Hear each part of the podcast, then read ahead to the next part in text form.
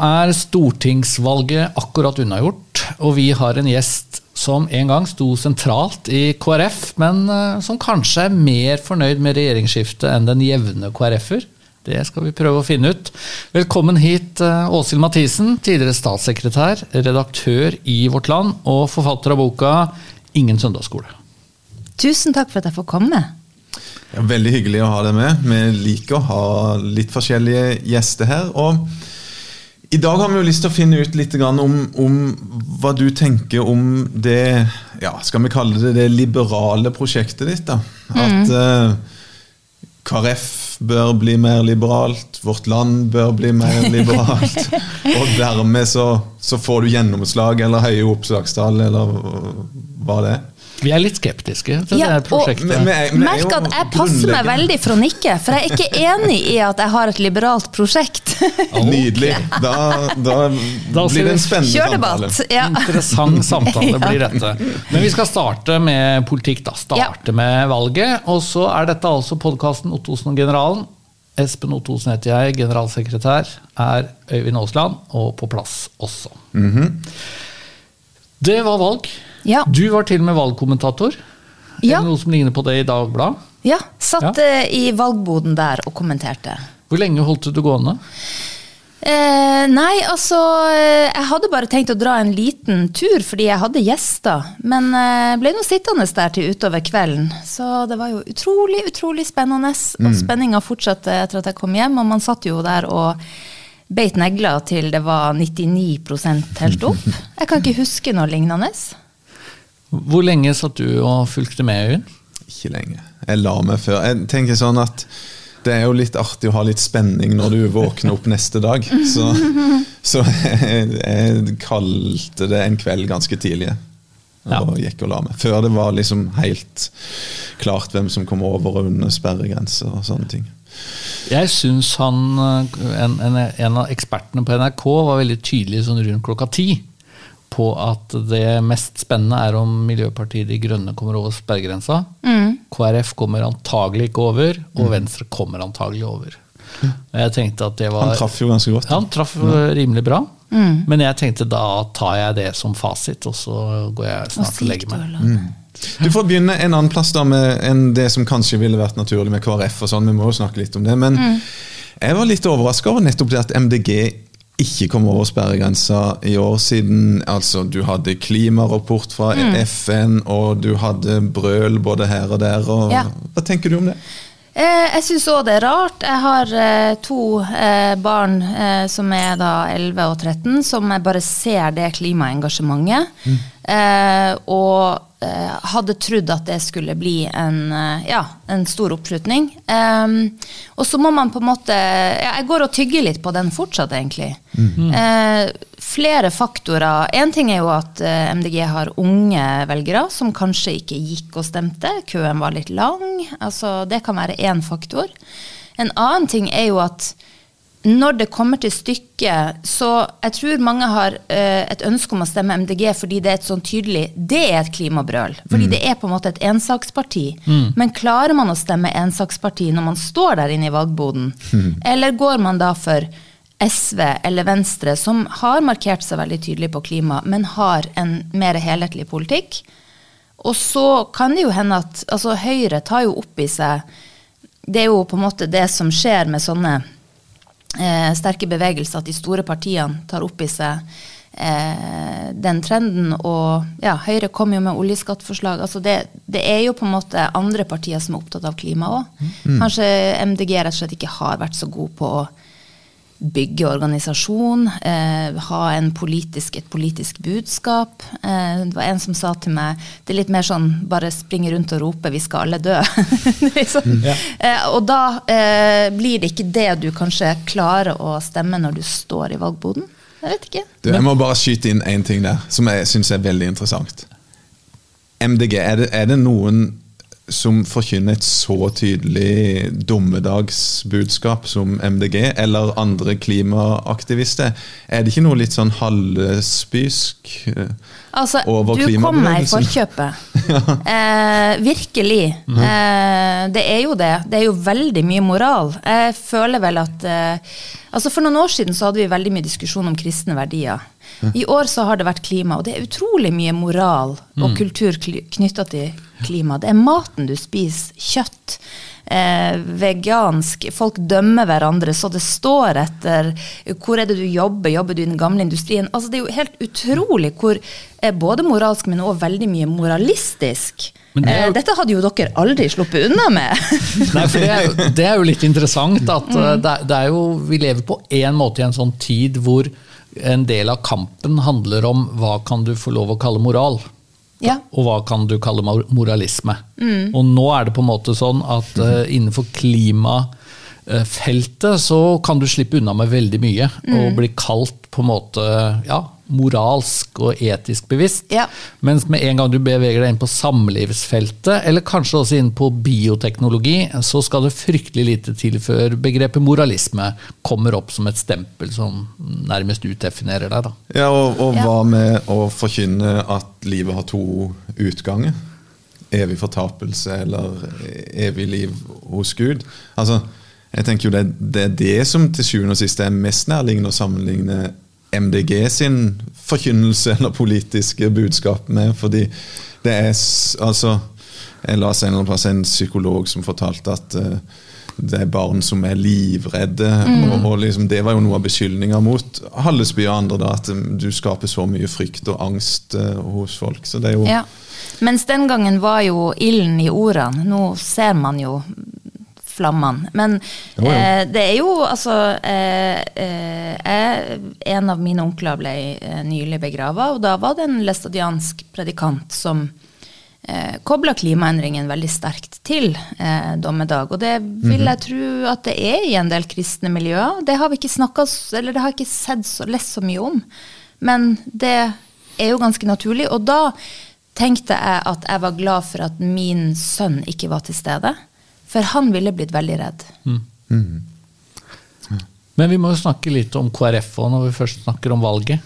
Mange av våre lyttere og seere er nok eh, litt deprimerte fordi, vi, eh, fordi KrF havna under sperregrensen. Mm. Hva, hva, slags forhold har du til det? For jeg ser for meg at du har litt blanda følelser. Ja. På den ene siden trist, for du har nå en gang vært sentral i partiet. Ja. På den andre siden så har du litt sånn Hva var det jeg sa?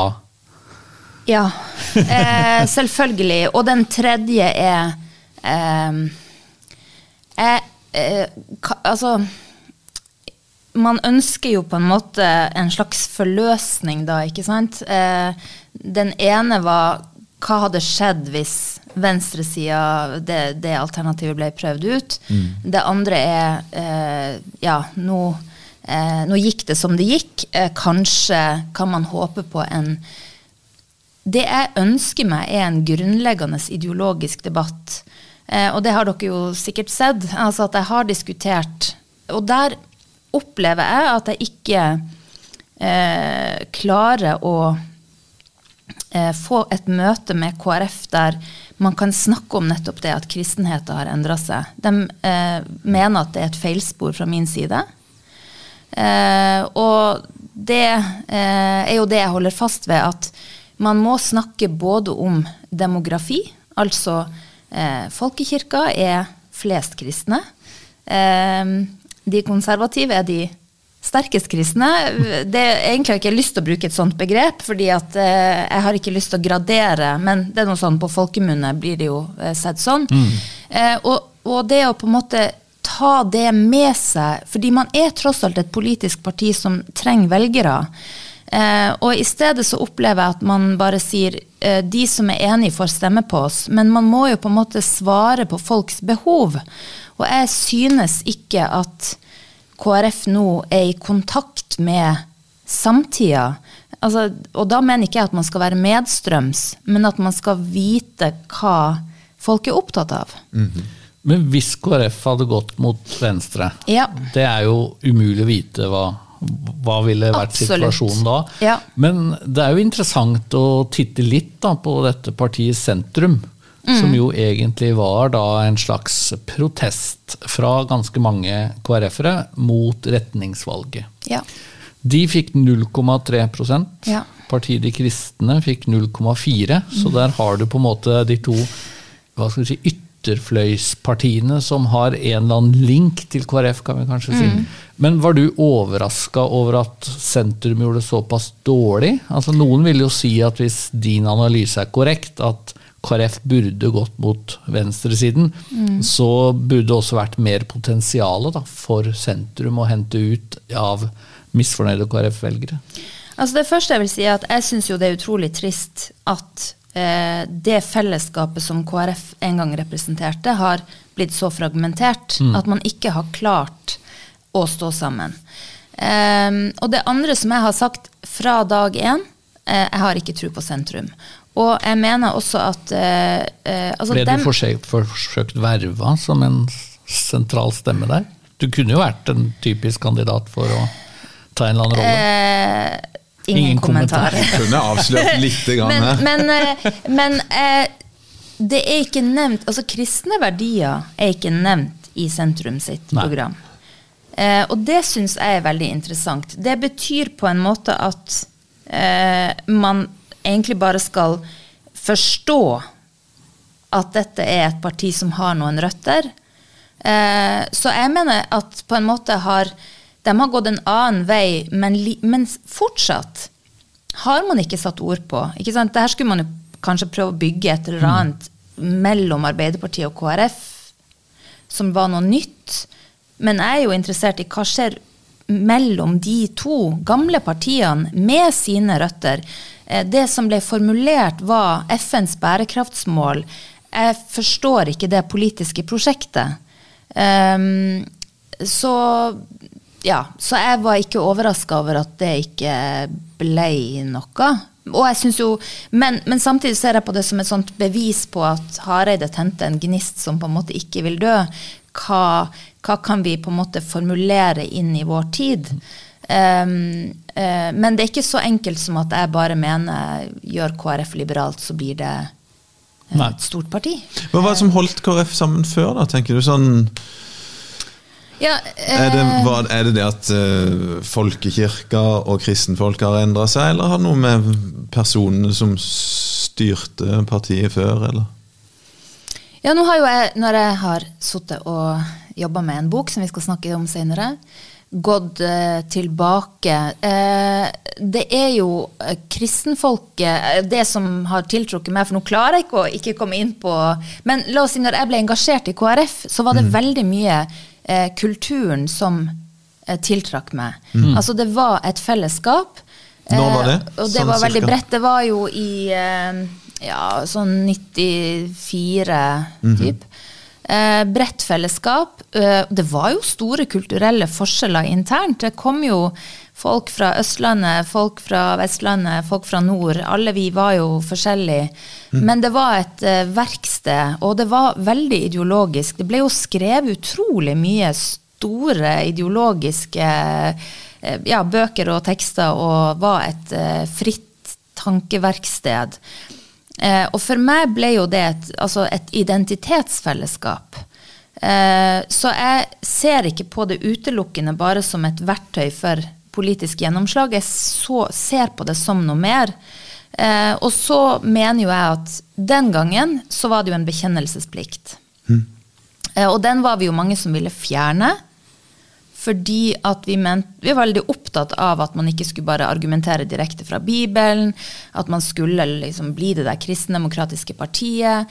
Eh, at man skulle kunne invitere inn flere som ikke var kristne. Alle disse tingene. Eh, og at kanskje den bekjennelsesplikta føltes litt som noe som ekskluderte oss som ikke hadde den samme typen kristendom. Da den ble fjerna, så var det for meg bare sånn sukk. Eh, fordi jeg følte at det ikke At da var det blitt mer som en sånn sekulariseringsprosjekt. At nå har det blitt for vanskelig å være et kristent parti. Til og med Dagfinn Høybråten, som hadde slåss mot det hele sin karriere, sa det var greit. Hvorfor det?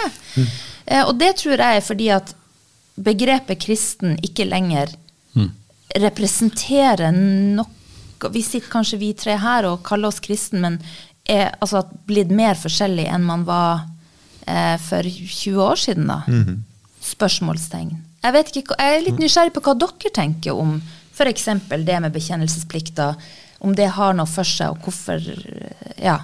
Om det har nettopp med den fragmenteringa av eh, Jeg tenker i hvert fall at jeg har forståelse for å fjerne den hvis prinsippet på en måte er at eh, vi i KrF så forholder vi oss til hva folk står for, hva folk slåss for, hva folk mener, Mm. og ikke hva slags hjerteforhold de har, da, hvis du kan Ja. si det sånn. Men jeg er enig også, eh, tror jeg, i den analysen at hvis den fjernes bare fordi eh, en slags sånn Nå er tiden moden Mm. for det.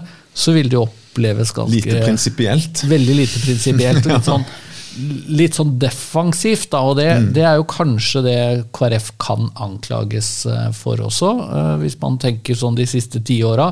Etter at man var på toppen og kontantstøtten kanskje særlig dro opp. Ja. At det har vært et parti som er veldig defensivt. og og blir jo ofte stemplet som de tapte sakers parti. Ja. Eh, og det, det har jeg tenkt mye på.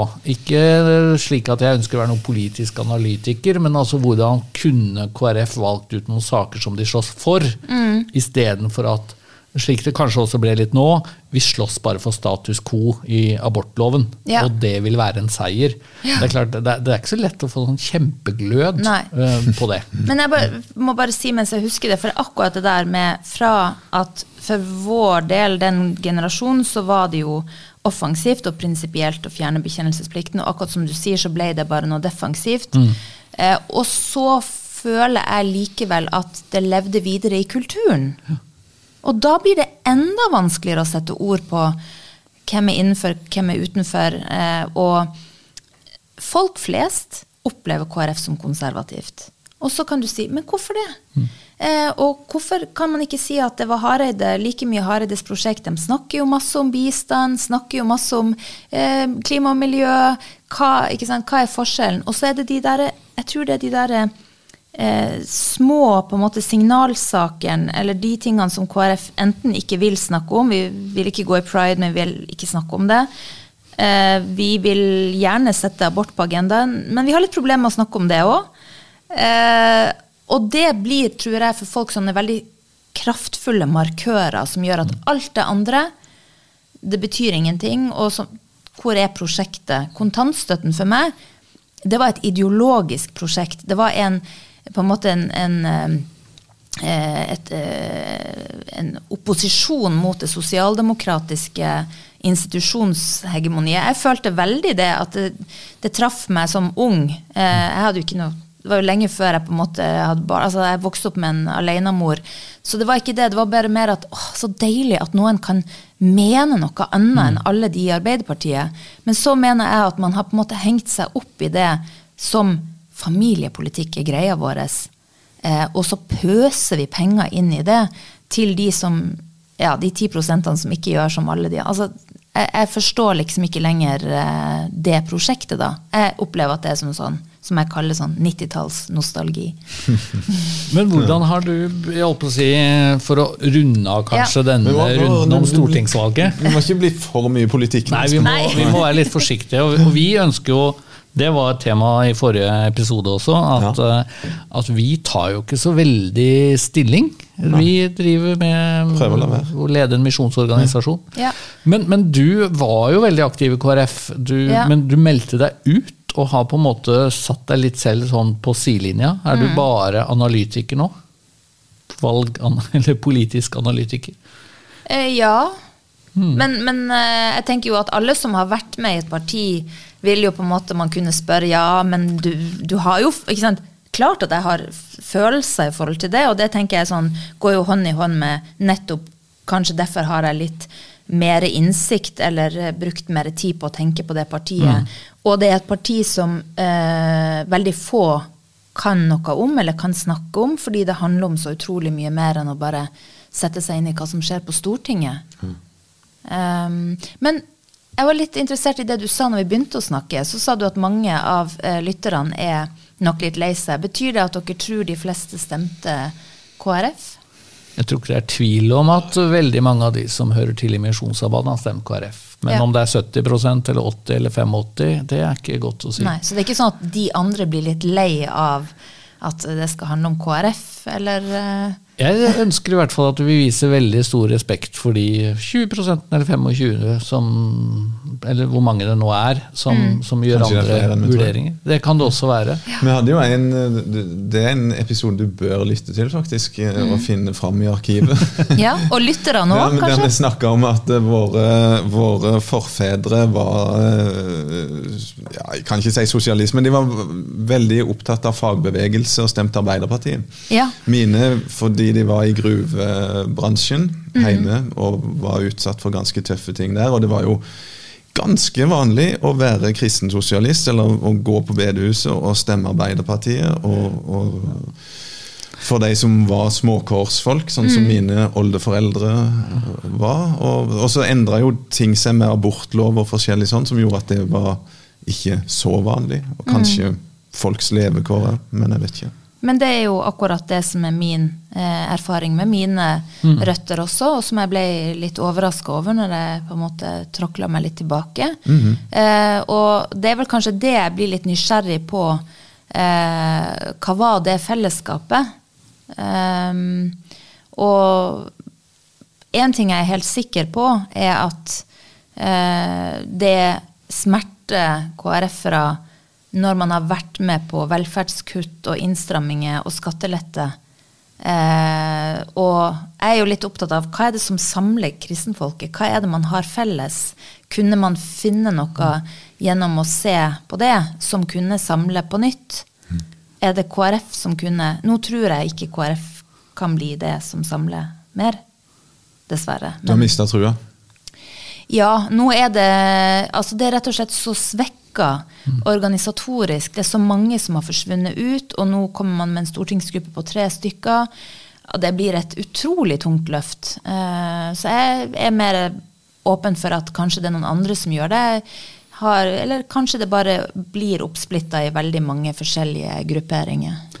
Veldig spennende å se. Men jeg tror den lille gjennomgangen du gjorde også, Øyvind, illustrerer jo at det å tenke politisk i dag er f.eks. noe helt annet enn for 50 år siden. Altså, Ja. eh, Min far var jo sentral i eh, Arbeiderpartiet sånn lokalt. Han døde i 1976, altså før dagens abortlov. Så det var jo en vurdering han ikke gjorde når han ble kristen. Skal jeg fortsette i Arbeiderpartiet eller ikke? Jeg vet han stilte seg det spørsmålet, men, men da var jo ikke et spørsmål som veldig mange vil si er veldig sentralt. Det var rett og slett ikke på dagsorden på samme måte, i hvert fall. Men øh, jeg har jo lyst til å si én ting før vi går videre. Espen, Okay, fordi det, er, øh, det er jo litt interessant. Jeg husker så godt før Hareide kom med sitt retningsvalg, øh, så var du en av de som sa at det er ikke lenger automatikk i at eh, verdikonservative kristne velger Høyre, fordi at Høyre har, er jo ikke noe garantist lenger i verdisaker. Ehm, så eh, kanskje venstresida også altså det blir, Kanskje har det blitt mer pest eller kolera. Og, og det syns jeg var litt interessant, fordi det er jo mye som henger igjen hos mange KrF-ere at jo, men i Høyre blir vi mer tatt på alvor. Så er det litt mer det, Er det kulturelt? Fordi det er ikke så store forskjeller i forhold til eh, verdisaken lenger. Det har vi jo sett når vi har fått sant, reservasjonsrett og abort og alt det her. Det, det vekker jo sterke eh, liberale, sekulære og feministiske krefter i Høyre like mye som i Arbeiderpartiet. I Arbeiderpartiet så har du Jonas Gahr Støre som sitter i kirken og snakker om kristendom, og som er for, for K-en i KRLE. Altså, Det er begynt å bli Du har ikke Inge Lønning lenger i Nei. Høyre? Men jeg tror min bakgrunn for at jeg sa noe om dette for noen år siden, det tror jeg var utviklingen i Fremskrittspartiet. Fordi jo, det var det andre Ja, poenget. for Ja. Min opplevelse for ti år siden, da, kanskje 15, det var at veldig mange kristne på den tiden sa at det står mellom KrF og Fremskrittspartiet.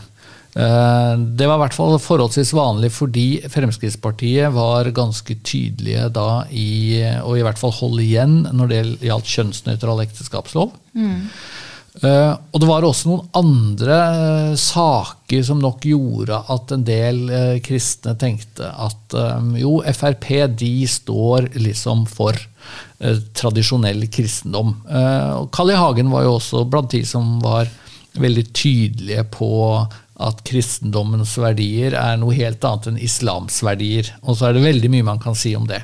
Men, Veldig mye. men så ble jo Frp liberalisert, vil jeg si sånn. Altså det ble mye tydeligere i løpet av ganske få år at eh, det å, å være såkalt verdikonservativ kristen og få en sentral posisjon i Frp og kjempe for disse kristne verdisakene, hvis man kan kalle det det, det ble det mye mindre av. Og det var en av grunnene til at jeg husker jeg var i NRK og prøvde å analysere dette, og, og tenkte at eh, det var vanskelig når Frp går inn for aktiv dødshjelp og er veldig radikal i bioteknologi og vil ha øh, vin inn i dagligvarebutikker, og si at det er et veldig naturlig valg for, for folk som Ja. vurderer noe annet enn KrF. Da. Ja. Ja ja, men uh, nå er det nok. Det er vanskelig å få meg til å slutte når det er først nå skal vi til estadianisme. Ja. Ja. Ja, for det, altså, vi har lest boka di. Ingen søndagsskole, tro, makt og strid i Kristen-Norge. Og du starter jo der, eh, i hvert fall ganske tidlig, med å fortelle om oppvekst som lestadianer. Og du, du har jo vært veldig tydelig på at ja, du er lestadianer, oppvokst som læstadianer. Um, og samtidig så la jo jeg merke til at du har jo en litt lite typisk læstadiansk bakgrunn. Du har allerede nevnt det sjøl, du vokste opp med en alenemor. Foreldrene dine skilte seg. Og foreldrene dine var også samboere når du ble født. Ja. Og jeg tenker, vi er jo, Nå skal jeg ikke beskylde deg for å være veldig gammel, altså, men vi er jo på 70-tallet. ja. Og det var jo ikke så veldig vanlig med samboerskap da, og i hvert fall ikke i læstadianske miljøer. Så du, du, du har jo en litt sånn eh, annerledes læstadiansk bakgrunn. Men opplevde, tenkte du på det sjøl også, når du Nei. var 10 og 12 og 15 år? Nei, så uh, jeg må jo si det har vært en reise for meg å skrive denne boka. Fordi uh, jeg skulle jo skrive om KrF og vårt land, og så sa Aschehoug begynn med din egen historie. Og så sa jeg men det blir så vanskelig, for det hadde vært veldig enkelt hvis jeg bare kom fra Indremisjonen. Oppvekst på bedehuset, og så eh, det, her, det her blir jo liksom en veldig lang eh, bro. Men ja, det er jo selvfølgelig poenget, begynte jeg å innse da når jeg hadde tenkt litt på det, at det er jo derfor jeg kanskje har blitt som jeg har blitt. Ehm, og så bare, ja, men det er jo enda mer som ikke stemmer her. For jeg har jo ikke engang en klassisk konservativ. Hadde jeg da kommet fra en søskenflokk på elleve, så kunne jeg også vært litt kjappere gjennom den biten av oppveksten. Ja. Så må jeg forklare det òg. Så bare Ja, men det stemmer jo heller ikke. Så jeg har jo eh, vært nødt til å lese meg opp eh, for å forstå Snakka mye med forskere. For å rett og slett forstå hvordan det var mulig, og hvorfor ikke det opplevdes som vanskelig. Eh, og det kommer jo frem til den eh, forklaringa at eh, det ene er at læstadianismen eh, er kanskje mer pragmatisk enn muligens andre lavkirkelige bevegelser. Det kan ha noe med værhardt og tøffe kår og altså både drive med eh, fiske og, og eh, fjøs og kvinner som står og jobber hardt mens mannfolkene er på sjøen. Ikke vet jeg. Det andre er at når jeg da forsøkte å eh, snakke med de andre som jeg hadde vokst opp med, så hadde vi veldig forskjellige erfaringer, enda vi på en måte var, hadde så eh, eh, ja, like, eh, like liv sånn i, i den oppveksten i menigheten. Eh, og da kom vi tilbake til det at ja, men din mor var sånn, og din mor var sånn. Så disse mødrene, dem styrte veldig mye, mens mannfolkene, dem hadde på en måte den åndelige kontakten. Det er de to forklaringene jeg kommer frem til. Eh, og så har jeg jo da tydeligvis hatt kommet fra en familie, for da tenker jo jeg mye på eh, ikke bare min, min mor og far, men eh, min mors familie må jo ha vært ikke sant, mer eh, åpen og pragmatisk. Men jeg lurer på om det er en tredje mulighet. Jeg må bare teste det ut. Ja. Men øhm, jeg forestiller jo meg at læstadianismen er en veldig øhm, uformell bevegelse. Ja. På den måten at man skriver seg ikke inn som medlem. Øhm, man går på læstadianske møter, ja. Men så langt jeg skjønner, så var jo du også oppvokst med ett bein i Den norske kirke. Uh, ja. Og det betyr jo at grensene rundt den læstadianske bevegelsen er jo litt sånn uh, uklare. Og, sånn kan det være litt i bedehusland også, tenker jeg. Og, mm. og, det kan også være noe av det positive. At uh, det oppleves ikke um, slik at denne bevegelsen er du medlem i, her meldte du deg inn på det og det tidspunktet. Uh, da kan også en pastor komme og ta en prat med deg og gi mm. beskjed om at sånn må du leve. Mm. Ellers så må du på en måte melde deg ut. Ja. Det er jo litt av den kritikken vi har fått av og til i våre sammenhenger òg, at det er, det er, ikke tydelig nok hvem som mm. på en måte bestemmer, og hvem som skal gjennomføre kirketukt, og, for å bruke den type begreper. Uh, og litt ja. sånn er det vel også ja. i læstadianismen, er det ikke det? Jo, eh, og jeg skriver jo litt om det. At eh, det er klart en bevegelse som var en sånn vekkelsesbevegelse nettopp mot eh, kirkemakta og lensmann og alle som styrte, og det var jo veldig ikke sant, en samisk eh, protest, eh, da eh, må jo den nødvendigvis være eh, Altså den kan ikke bli en samme type makt eh, og hierarkiske bevegelsen. Og der har jo folk spurt meg sånn Ja, meldte du deg ut? Og Nei, altså det er ingen Som du sier, det er ingen formelle strukturer. Jeg har aldri meldt, vært skrevet meg inn hos det, så jeg kan ikke melde mm. meg ut. Um, og det Da kommer jeg litt inn på det som du spør meg for jeg har vært veldig usikker på kan jeg kalle meg for læstadianer. Um, uh, og jeg synes det blir så rart å ikke si det. fordi at det er jo den kristendomsforståelsen uh, jeg har vokst opp med. Uh, og så lever jeg jo helt på mange måter i strid med det. Men samtidig føler jeg at det er sånn mitt åndelige liv Eh, det er det det har sprunget ut av. Hvis jeg bare sa at jeg kom fra Den norske kirke, så, det, så, tror jeg ikke jeg sier noe som helst om alt det som kommer frem i den boka. Eh, og det gudsbildet som jeg både har med meg, strever med. Og det er derfor jeg sier, når du sier ditt liberale prosjekt, så sier jeg egentlig mer at det, det er jo veldig mye tvil i den boka. Fordi at jeg ser jo hva, eh, hva jeg taper, men jeg klarer ikke å leve i det. Um, men det var ei fra det, altså Lyngen-læstadianerne er jo, eh, som en av predikantene sa, de kaller oss liberale, men egentlig er vi stokk konservative. Men i forhold til andre bevegelser, og der var det ei som tok kontakt med meg, som bor i Oslo, som er fra Nordland. Eh, og læstadianerne der, og hun sa jo sånn eh, har, Hvordan kan du gå og kalle deg læstadianer? Har ikke Eldsterådet kontakta deg? Bare Eldsterådet? Altså, nei. Eh, men, men, Så det betyr at Lyngen-læstadianerne også er mindre formelle? da Det fins eh, læstadianske bevegelser som er mer striglet? for å si som det sånn? Som er mye strengere. Mm. Mye strengere. Og da følger opp folk tettere? da? kan man kanskje også ja, si. Ja, eh, jeg tror det. Men igjen, det der blir nesten som å være sånn eh, muslim og bare Men jeg aner ikke. altså vi har aldri vært sant, i kontakt med de bevegelsene. Og jeg husker første gangen jeg møtte eh, en læstadianer i KrFU som kom fra eh, ja, Nordland og Vest-Nord. Er du læstadianer? Det tror jeg var første gangen jeg fikk litt sånn sjokk. Mm.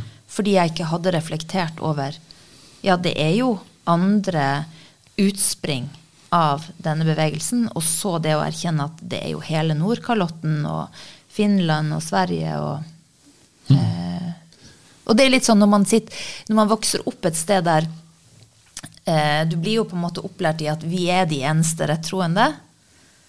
Eh, da blir det òg litt rart at det finnes andre læstadianere. Vi har jo lært at det finnes mange kristne som ikke er rett, men det, det var litt eh, merkelig. Og igjen, interessant at det skjedde i KrF. Tenk hvor mye jeg lærte eh, om holdt på å si, meg sjøl av å være i det mm. fellesskapet. Jeg, jeg synes Det var interessant å lese i boka di den måten du beskriver det fellesskapet på. Hvordan eh, fellesskapet eh, stilte opp for deg og din mor, og du omtaler det som liksom, familien. og var, du opplevde det veldig godt og ja. trygt. Ja. Men samtidig så ble det litt opprør og sånn etter hvert. Ja, og det, eh, det som eh, jeg også måtte tenke litt igjennom, var jo at vi eh, det, ble, det, det, har jo, det er sånn ordtak på en måte at det er jo ingen som drikker og fester så hardt som læstadianerne eh, i Tromsø. det, Man er kjent for den dobbeltmoralen, eh, men man er også kjent fordi at man lever så strengt at når du bryter de grensen, så er det liksom alt fritt. Mm. Og det tror jeg er en sånn ting som ikke er sunt med, med, en veldig streng kristen oppdragelse. At du nesten mister folkeskikken når du fordi at da er det sånn ja, men der ute blant verdens barn så finnes det jo ingen moral, så da kan jeg gjøre som jeg vil. Mm. Um, og når jeg ville være med de andre ungdommene, ville gjøre som de andre, så var det jo ikke sånn at predikantene visste det. De satt der eh, og holdt sine taler mot TV-en, og det er så utdatert. Altså, vet dere hva som foregikk? Mens ungdommene spionerte på hverandre. Ungdommene sanksjonerte hverandre. Mm.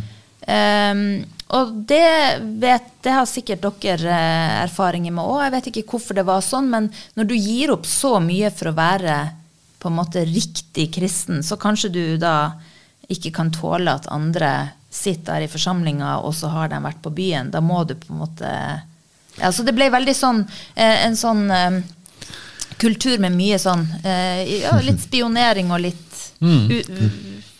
utlevering. Men det er jo litt interessant du sier at uh, du vil helst ikke bli plassert i en liberal bås. Ja. Men i boka di så tenker jeg at uh, når du tar opp kontroversielle spørsmål, da mm. Jeg holdt på å si uh, ja, alkohol nevner vi akkurat, og spørsmål om homofili, mm. spørsmål om abort Mm. Um, spørsmål om kvinnelige prester, selvfølgelig. som jo, Der har jo læstadianismen vært uh, tydelig konservativ. Mm. Men altså alle disse spørsmålene så markerer jo du veldig tydelig at du står på den liberale fløy da, i de spørsmålene. Ja. Men Kan du da overraske våre lyttere og seere med, med et konservativt ståsted på noe annet? da? Eller hva, hva ja. er på en måte det som gjør at du sier men, men ikke plassere meg i en liberal bås, når du tross alt tar de standpunktene du tar i disse spørsmålene. Ja, og så vil jeg jo si at eh, når det gjelder eh, abort, så skulle jo jeg ønske at, eh, at man klarte å snakke om det på en annen måte. Fordi at alle i KrF ønsker å få ned aborttallene. Mm. Eh, og, og, ja, veldig mange flere enn kristne ønsker det. Så jeg mener jo at KrF har eh, bidratt til å polarisere og vanskeliggjøre en sak der det hadde vært mulig å få eh, samarbeid også med andre partier om eh, eh, aborttallene. Og at, ja, Nå skal ikke jeg vikle meg langt inn i det, men der føler jeg litt at det handler mer om å stå rein og rank på sine grunnstandpunkter. Og at nettopp det kanskje er kristendom og ikke politikk. For politikk det handler jo om å få ting til. Så du så, skiller ganske sterkt. Du tenker at som kristen så kan du godt tenke at jeg er restriktiv i abortspørsmål, eller der tenker jeg det er noe prinsipielt etisk problematisk med abort, men politisk, der må vi prøve å samarbeide med å få ned aborttall. Altså, jeg, ja, det er vanskelig, altså, eh, men eh, det er jo mange flere enn kristne som ønsker å få ned aborttallene, mm. og som mener at de har etiske betenkeligheter med flere ting innenfor det feltet, eh, med bioteknologi, som du også nevnte. Eh, men da forstår jeg ikke hvorfor man ikke kan eh, sørge for at den samtalen blir Altså, det er så mange eh, gode tenkere i de spørsmålene som sier KrF ødelegger for oss. Vi får ikke til eh, den samtalen. Jeg husker jo Kristin Aase, Kristin Clemet og Kristin Halvorsen. Mm. Eh, de eh, skrev vel en bok sammen, tror jeg, eh, om abort. Eh, nettopp det der med å prøve å finne sammen på tvers av partiskillet. Eh, for med målet Altså er målet å få ned aborttallene, eller er målet å stå i et slags standpunkt som, som på en måte har en eh, mer enn åndelige dimensjoner, som er fosterets ukrenkelige verdi osv. Akkurat der mener jeg at KrF opptrer mer som eh, ja, en menighet mm. enn et politisk parti. Eh, men det var en eh, sidespor. Det andre som, som er tvilen i boka, er jo eh, det jeg skriver om eh, hva Altså et rent sånn åndelig dimensjon, da. At eh, jeg har alltid følt, og det er derfor jeg sier jeg leser Diana, når jeg går inn i Den norske kirke, så er det veldig sjelden jeg synes at presten tør å snakke Eh, ja, f.eks. om livets to utganger, da. Altså, Hvem er det som snakker om det? Og når jeg skulle døpe det ene barnet mitt, så brukte man i den dåpssamtalen mest tid på å unnskylde det som var liturgien. Eh, og sånne ting da, sant, da, er jeg læstadianer.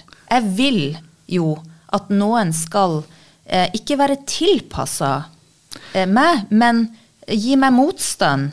Men vil du ha en tilpasningsdyktig kirke når det gjelder etikk, men ikke når det gjelder dogmatikk, da, for å si det litt sånn firkanta? Eller hva er kjernen i truen din eller teologien din? Hva tenker du er de viktige tingene for det å Nei, jeg, ta vare på det og tro på? Um, jeg vil ikke sitte her og prøve å ta mål av meg til å formulere noe sånt. Uh, jeg tenker at det, altså, jeg, jeg, har skrevet en bok der jeg har en uh, lavkirkelig oppvekst, et politisk engasjement mm. og ganske mye tvil og spørsmål, men at jeg er planta med begge beina i moderniteten, med mange spørsmål rundt eh, ja, og jeg synes det er ganske stor forskjell på å diskutere i hvert fall kirka og KrF. Eh, men nettopp den glidende overgangen er jo det som gjør det krevende, når vi snakker om bekjennelsesplikten og det der, men Og men, inni der kommer Vårt Land og journalistikken. ja, for det har vi jo ikke snakket om direkte her, da, men en del av boka di handler jo også om hvordan det var å være sjefsredaktør. Ja. Og dramatikken knytta til at du slutta ganske så brått. Mm. Altså, jeg må bare si at jeg syns prosjektet Vårt Land på mange måter er eh, mer levedyktig enn KrF. Og grunnen til det, det er at KrF eh, må jo utvikle en politikk og, og jo, må jo være normativ i mange ting og har mm. røtter i det konservativt kristne og har et grunnfjell man skal ta vare på, og så skal man på en måte Ja, man skal liksom ta eh, Det er et veldig sprikende lag. Og så var det jo, er jo sånn også når det gjelder vårt land. Men det som var mitt prosjekt, som jeg skriver mye om, var at jo, men nettopp her kan vi skape det samtalerommet det kan den avisa være. Hvor man slipper å ta så mye stilling, men heller nei, slipper til ulike nei, det, stemmer? Eh, ja, altså eh, Jeg mener jo at de stemmene skal jo ta stilling. Det skal jo være eh, sånne som deg, som kom inn som spaltist eh, under min ledelse. Dette må jeg bare si. ja, ja, ja. Eh, men, men eh, Vårt Land må jo selvfølgelig formulere ting på lederplass, og det skriver jeg jo også om at det ble jo økende grad vanskelig. Men den problemstillinga Dette har jo også Vårt Land stått i alltid. Mm. Eh, med kvinnelige prester, f.eks. Altså det der med å erkjenne at vi har lesere som, eh, som mener veldig ulikt i dette spørsmålet. Det er kvinnelige prester, det er abort, det er homofili. Kjempekrevende. Men fordi det er en avis, fordi det er et rom for å diskutere og kanskje komme videre, eh, så, så syntes i hvert fall jeg at det ga mer jeg, jeg, husker jeg pleide å tenke at eh, Hareide har et mye mer krevende prosjekt enn meg. Mm. Eh, også fordi at jeg fant den, det jeg mener var nøkkelen, og det var kvalitet. Altså det å bli tatt på alvor, det å kunne snakke sammen, kanskje finne ut at man har mer til felles enn man tror, fordi man kan snakke sammen. Eh, og at det jeg skriver om, er jo at jeg opplevde at ingen følte seg tatt på alvor. Og det var en så merkelig oppdagelse, for jeg visste jo at de liberale følte seg ikke inkludert i et konservativt vårt land. Og så begynte jeg å snakke med misjonsfolk som heller ikke opplevde det. Så jeg tenkte, Hvordan er det mulig, da? Er det det at man er for tabloid og for, for uh, uh, harde vinklinger?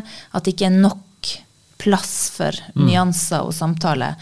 Og når det kom på plass, så opplevde jeg at det var veldig mye friksjon som forsvant. Altså det var god friksjon, ikke dårlig friksjon. Hmm. Men så tok det slutt? Ja. Med et smell. Eh, og det bruker jeg jo Altså, det, det syns jeg er så komplekse ting, da, at jeg måtte skrive det i en bok. Eh, og der eh, tenker jeg jo at det er Jeg skriver jo mye om at det er nettverk og kultur som på en måte sitter i veggene, og som har eh, sagt ja til en fornyelse, men som jeg tror aldri tok inn over seg hvor annerledes avisa ble. Men kanskje syns dere den ble veldig annerledes? Det er du som er kommunikasjons... Nei, jeg tror ikke jeg tenkte at det, det var så veldig store endringer. Nei. Men jeg har jo litt lyst til å bore helt til slutt da, Ja, i det som, som vi kalte innledningsvis ditt prosjekt. Ja. For, for du skriver jo ganske mye om det, både at KrF og Vårt Land må på en måte i større grad ta på alvor på en måte Den norske kirke og utviklingen i Den norske kirke. Men så tror jeg vårt perspektiv er at eh, ja, men hvis du prøver å nå hva skal vi si da, den mer liberale fløy, så møter du jo folk som nesten ikke går i kirken. Eh, og som, eh, bortsett fra hvis de er prester da, og ansatt, eh, du, du treffer på en måte ikke de som, som vil kjempe for troen, som er brennende engasjerte. Så hvor mange klarer du egentlig å nå? Eh, og ja, hvis KrF er tema, så kan man jo spørre hvis eh, KrF på en måte ble mer teologisk liberale, tona ned en del av disse verdisakene, eh, gikk mot venstresida, er det virkelig mange som står i kø og tenker at dette vil de være med på? Kjempegodt spørsmål. Jeg lurer på det sjøl. Men det som er nummer én, er et politisk parti og en avis må ha velgere, må ha lesere.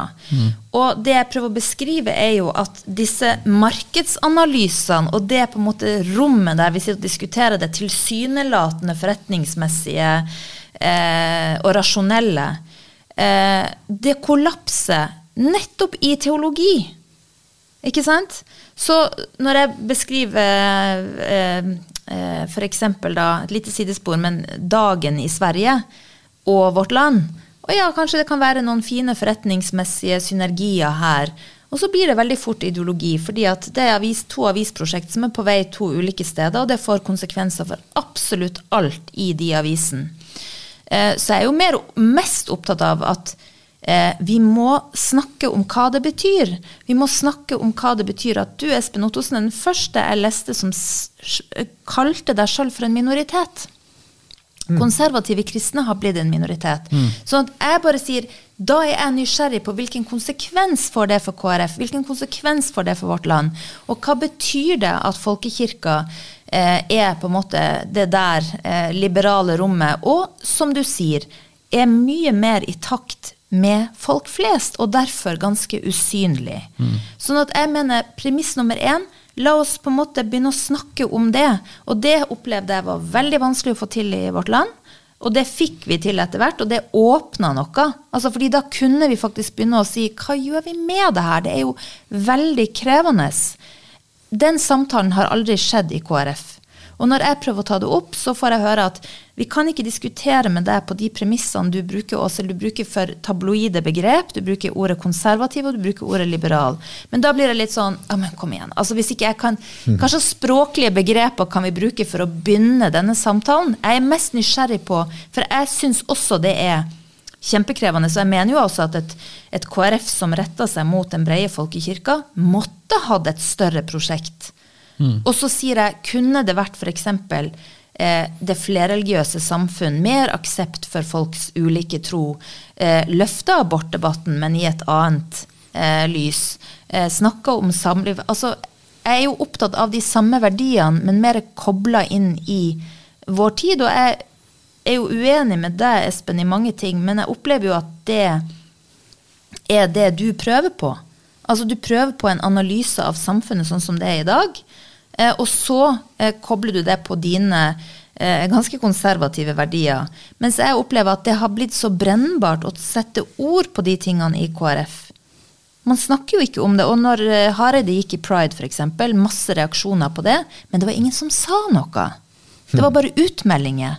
Ja, Er det ingen som kan si hvorfor de reagerer på det? Og så har du et par sånn eh, Joel Ystebø Altså noen stemmer. Men nå er jeg tilbake til KrF igjen. Men det, det er bare sånn at eh, det, det, er, det er kanskje den tausheten jeg reagerer på mest. Interessant. Men du Øyvind, du er jo litt opptatt av at um, Er det egentlig noen som vil Det pleier du ofte å si. Ja, jeg gjør det. Som vil dø for liberal teologi? Jeg syns det blir litt sånn blodfattig, da. Altså Opp igjennom kirkens historie så har du jo martyr, ikke sant, som virkelig sto for noe, som var villig til å, å, å dø for det. Mm. Det, er jo, det, er jo, i vår historie òg. Altså, misjonærer som reiste til Kina, som visste at det er veldig stor sannsynlighet for at vi kommer til å dø.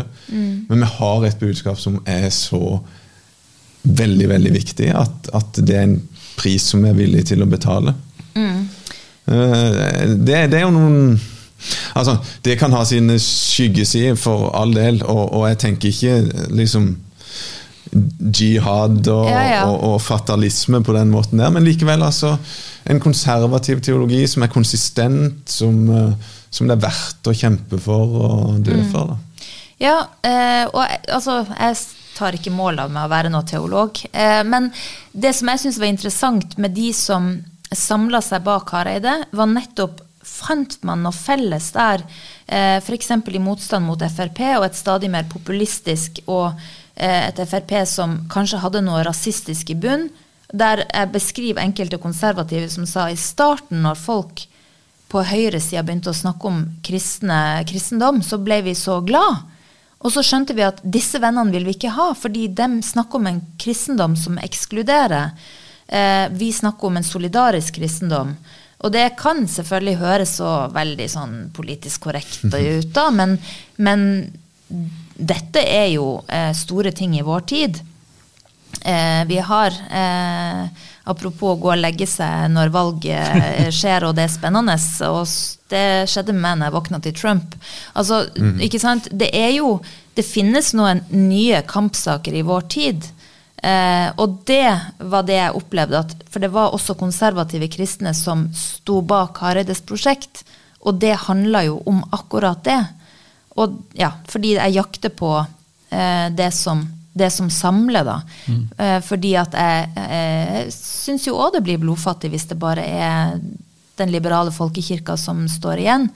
Eh, men når sekulariseringa er så sterk, skal man ikke stå sammen da? Men jeg forstår jo at dette er kjernespørsmålet, fordi dere vil tenke at nei, det er akkurat da man må hegne om den konservative teologien. Mm -hmm. Ikke sant? Ja. Men poenget mitt er at dette er det som foregår i KrF, uten at noen setter ord på det. Så er det jo denne diskusjonen som foregår, og det er jo faktisk en teologisk diskusjon som ligger under et tilsynelatende politisk veivalg. Mm. Og akkurat det syns jeg er veldig interessant du sier, for jeg også tror jo at selve debatten som vi egentlig er inne i nå, og så kommer vi ikke så mye lenger, mm. men det er jo på en måte hva er teologi, mm. hva er politikk?